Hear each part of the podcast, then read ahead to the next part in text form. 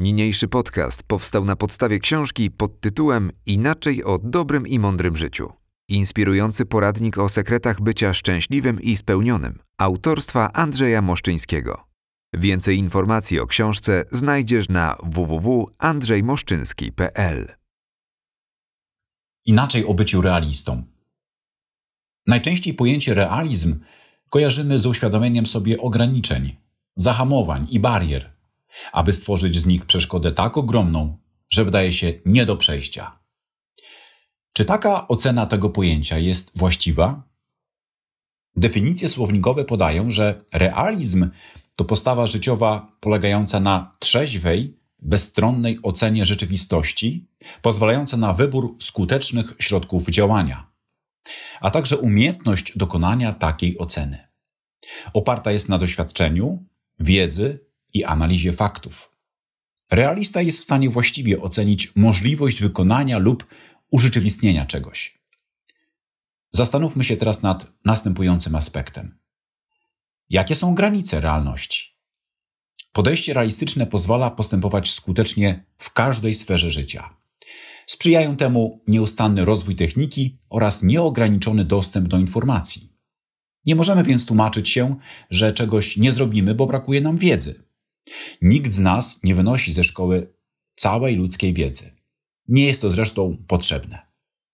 Ważne jednak, byśmy potrafili korzystać z tej jej części, która pozwoli nam realizować różne wartościowe cele. Ale jak ocenić, co możemy zrobić, a co przekracza nasze możliwości? Gdzie przebiegają granice realności zamierzeń? Prześledźmy to na podstawie dokonań człowieka. Sięgnijmy do historii lotnictwa. Współczesne lotnictwo silnikowe rozpoczęło się od osiągnięcia braci Wright, którzy w 1903 roku przeprowadzili pierwszą udaną próbę lotu samolotem własnej konstrukcji. Przełamali tym przekonanie, że maszyna cięższa od powietrza nie może wzbić się w górę. Dzięki temu to właśnie oni zostali pionierami lotnictwa. Spektakularne dokonanie stało się możliwe dzięki dogłębnemu przeanalizowaniu zasad aerodynamiki, zwłaszcza mechanizmu powstawania siły nośnej. Ta wiedza pomogła w opracowaniu skutecznej metody sterowania pojazdem powietrznym oraz wyborze lekkiego i stabilnie pracującego silnika. Konstruktorzy zdawali sobie sprawę, że od czasów Leonardo da Vinci przesunęły się granice możliwości dokonań ludzkich. Uwierzyli, że w ich zasięgu jest skonstruowanie samolotu, a tym samym realizacja marzenia. Wykazali się odwagą oraz kreatywnością, dzięki której ulepszyli rzeczywistość. Od czego to się zaczęło? Od marzeń, które nosiły w swoich umysłach kolejne pokolenia ludzi, dodając do podstaw myślenia o lataniu nową wiedzę, nowe odkrycia i nowe wynalazki, aż wreszcie bracia Wright zrobili coś, co reszta świata nadal uważała za niemożliwe. Włożyli wiele wysiłków przygotowania. Wielokrotnie powtarzali próby. Co ważne, oni nie musieli, lecz chcieli to zrobić. Za braćmi Wright podążyli inni wizjonerzy, którzy pokonywali kolejne bariery. Poznawano właściwości przestrzeni powietrznej, przekraczano granice prędkości oraz wysokości. Wreszcie wyruszono na podbój kosmosu. Omówiona przeze mnie historia pokazuje, jak wraz z kolejnymi dokonaniami przesuwa się horyzont możliwości. Co dziś wydaje się niemożliwe, jutro będzie osiągalne, a pojutrze zupełnie zwyczajne. Wizjonerstwo to nic innego jak dalekowzroczność, planowanie przyszłości. Bez wizjonerstwa najważniejsze odkrycia i wynalazki ludzkości nigdy by się nie pojawiły. Otwierający się horyzont możliwości to tylko jeden z aspektów realizmu.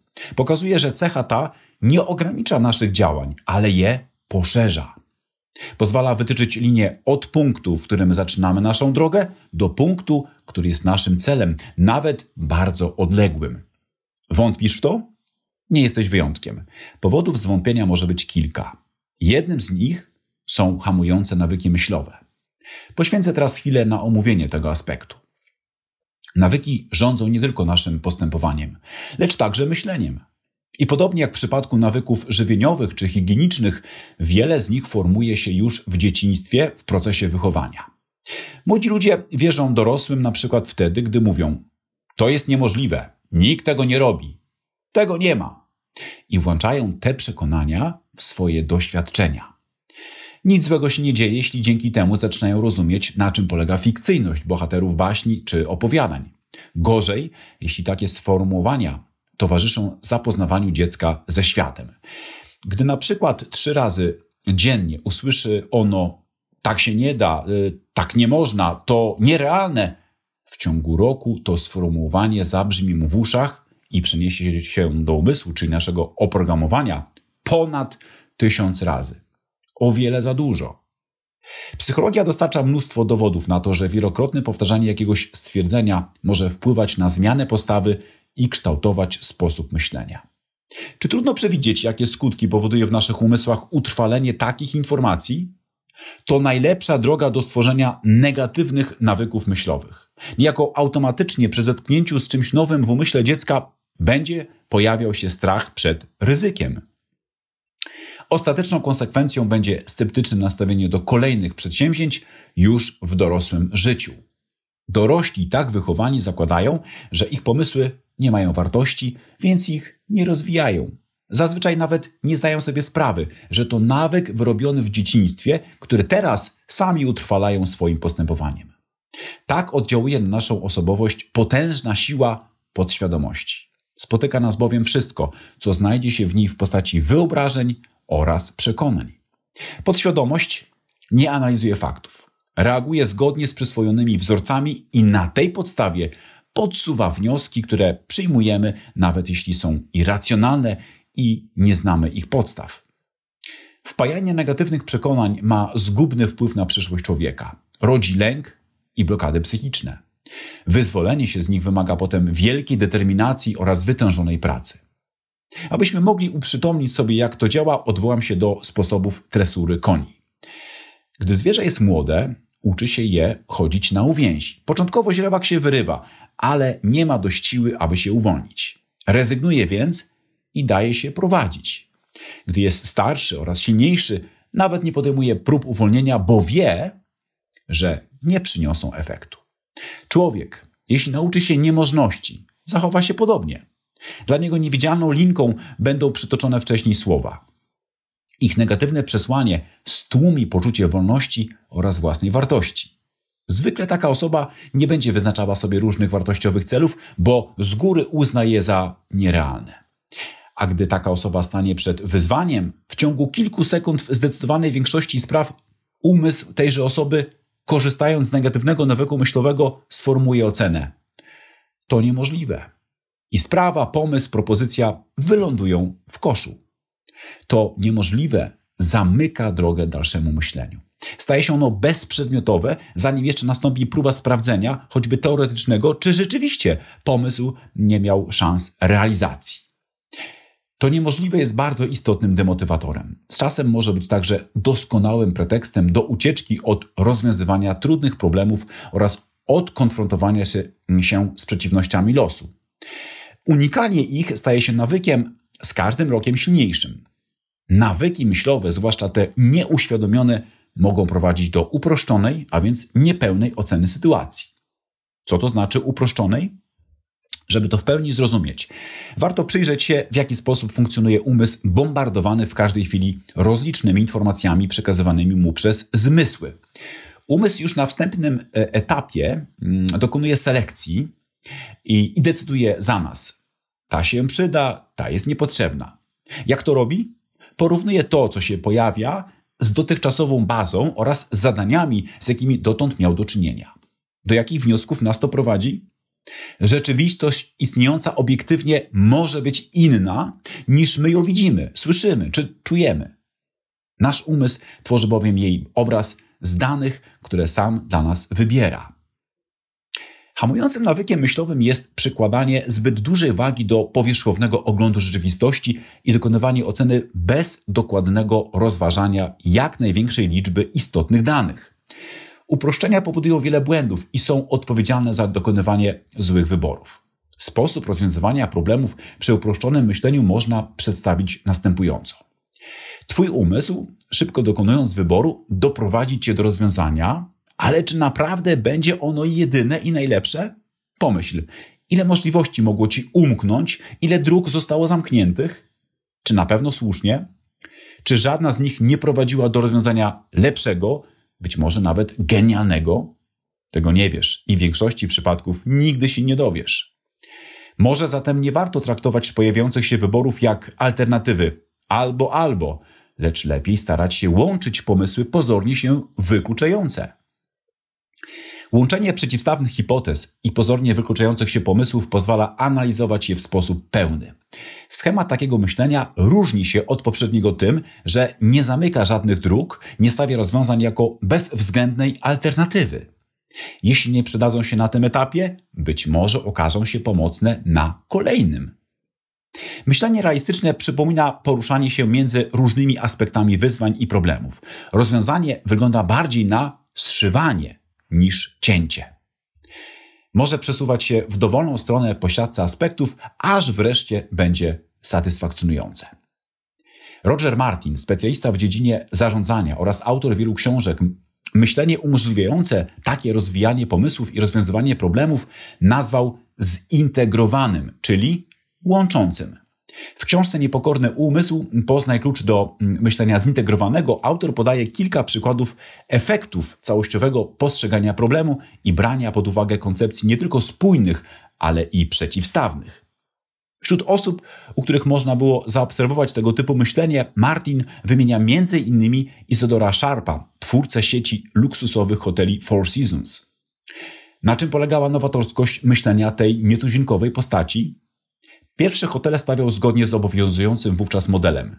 Hotel mały, z rodzinną atmosferą, jednak skromnie wyposażony, lub hotel wielki, z salami konferencyjnymi, luksusowy, ale za to mało przyjazny i bezosobowy, czy też może nawet zimny.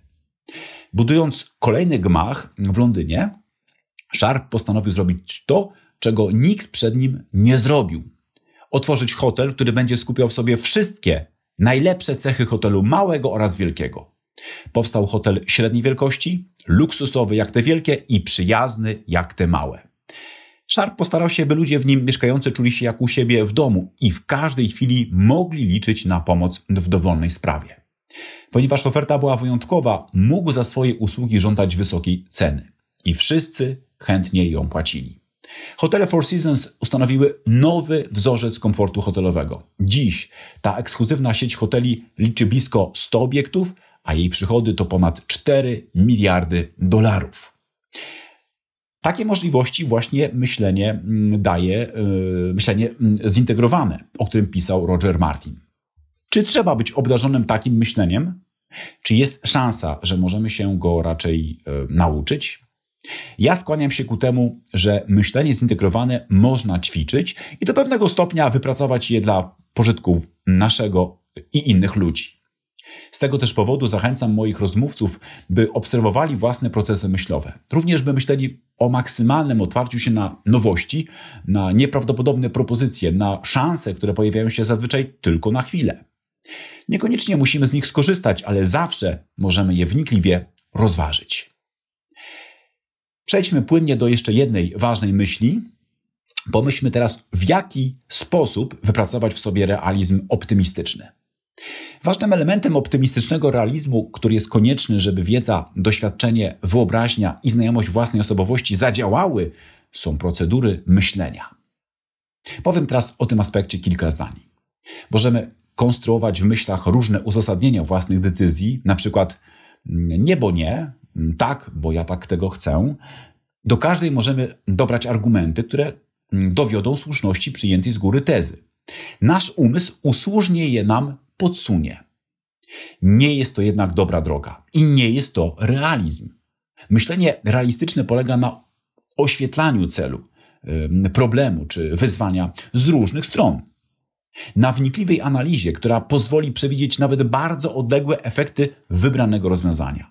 Można ją przeprowadzić za pomocą odpowiednich procedur, takich, które pozwolą zminimalizować ryzyko błędu, ale nie będą tłumić kreatywności. Jeśli mamy jakiś problem, dość łatwo znajdujemy jego rozwiązanie, a raczej wydaje nam się, że je znaleźliśmy. Zazwyczaj jest ono zgodne z naszymi przypuszczeniami. Nie jesteśmy świadomi, że umysł podpowiada nam takie argumenty, by nasze przeczucie się sprawdziło i byśmy mogli czuć się komfortowo. Czy te argumenty będą nieprawdziwe? Nie, każdy z nich będzie zgodny z rzeczywistością, tyle że to nie będzie jej pełna analiza. Więc możemy dojść do fałszywych wniosków. Mówi się, że jeśli dwie osoby patrzą na to samo, to każda z nich widzi coś innego. Co zrobić, żeby nie sądzić tylko po pozorach? Jak nie podejmować decyzji w oparciu o jednokierunkowe podpowiedzi naszego umysłu? Jak patrzeć realistycznie i zobaczyć tyle elementów rzeczywistości, żeby stworzony z nich obraz nie był przekłamany? Możemy zastosować technikę polegającą na odpowiadaniu na konkretne pytania, które sami postawimy i dopasujemy je do konkretnej sytuacji. Przykładowy zestaw pytań do wstępnej oceny pomysłu lub rozwiązania problemu może wyglądać tak. Czy projekt jest zgodny z moimi wartościami? Czy mam ochotę się nim zająć? Jakie korzyści będę miał z realizacji projektu? Kto jeszcze będzie miał korzyści z projektu? Czy ktoś straci na projekcie? Jakie zagrożenia mogę napotkać? Co wiem na tematy związane z projektem? Czego jeszcze muszę się dowiedzieć? Kto może mnie wspomóc w realizacji projektu? Które z moich silnych stron wpłyną pozytywnie na realizację projektu? Które z moich słabych stron mogą spowolnić projekt lub spowodować jego niedokończenie? Jak mogę temu zapobiec? Które z moich dotychczasowych osiągnięć pokazują, że realizacja projektu będzie możliwa? Możesz do tego zestawu dodać jeszcze kilka innych pytań, jeśli uznasz je za konieczne lub potrzebne. Jak widzisz, realizm można ćwiczyć. Jeśli już wiesz, że nie polega na szukaniu dziury w całym, tylko na wszechstronnej analizie sytuacji oraz świadomości potencjału, jaki każdy z nas ma do wykorzystania, możesz zacząć realizować wartościowe cele, które być może czekają na to od lat. Powoli zbliżamy się do końca tego wykładu. Czas zatem podsumować najważniejsze myśli. Gruntowne poznanie siebie i stosowanie zasady realizmu do oceny ludzi oraz sytuacji przydaje się w każdej dziedzinie życia. Realizm umożliwia znalezienie odpowiedzi na pytania: po co to robię? Jak mam to zrobić? Daje motywację, która wzmacnia wytrwałe dążenie do celu. Rozwiewa wątpliwości i pomaga zwalczyć pokusę ucieczki, jaką jest usprawiedliwianie się nierealnością dążeń. Realizm umożliwia sformułowanie celów i kreślenie planów możliwych do urzeczywistnienia. Korzystali z tego działania, z tego pomysłu e, wielcy naukowcy, odkrywcy i wynalazcy. Dzięki tej cesze opierali się zwątpieniom i utrzymywali motywację na wysokim poziomie. Wyobrażali sobie efekty swojej pracy i wiedzieli, że są przesłanki do ich uzyskania. Warto pamiętać jednak, że realizm nie wisi w próżni. Opiera się na konkretnych argumentach. Powinniśmy nauczyć się ich szukać. Realista może wyciągać wnioski jedynie na podstawie znanych mu faktów, które wcześniej bardzo skrupulatnie oraz wielowymiarowo przeanalizował. Nie może rozwiązywać równań z samymi niewiadomymi. Pamiętajmy także, że brak potrzebnych informacji nie oznacza, że ich nie ma. Po prostu jeszcze nie dotarliśmy do odpowiedniego źródła. Szukajmy go zatem może w książkach, może na odpowiednich kursach, może u dobrych doradców czy mentorów, którym ufamy. Czy to, o czym dziś mówiłem, jest proste i można to łatwo wprowadzić w życie? Odpowiedź brzmi: nie, to nie jest proste. Zastosowanie tych zasad w codziennym życiu wymaga sporego wysiłku, przede wszystkim skupienia i dyscypliny. Jeśli chcesz doświadczyć w swoim życiu efektów pozytywnego realizmu, to nastaw się na różne przeciwności. Ci, którzy wybierają życie pełne nowych doświadczeń, zazwyczaj muszą się zmierzyć z lękami, obawami, blokadami, lenistwem oraz stereotypami, którym w jakimś stopniu każdy z nas ulega. Jednak nagroda jest warta wysiłku. Nagrodą jest uzyskanie stanu spełnienia oraz satysfakcji życiowej. Tego stanu właśnie Ci życzę. Dziękuję za uwagę.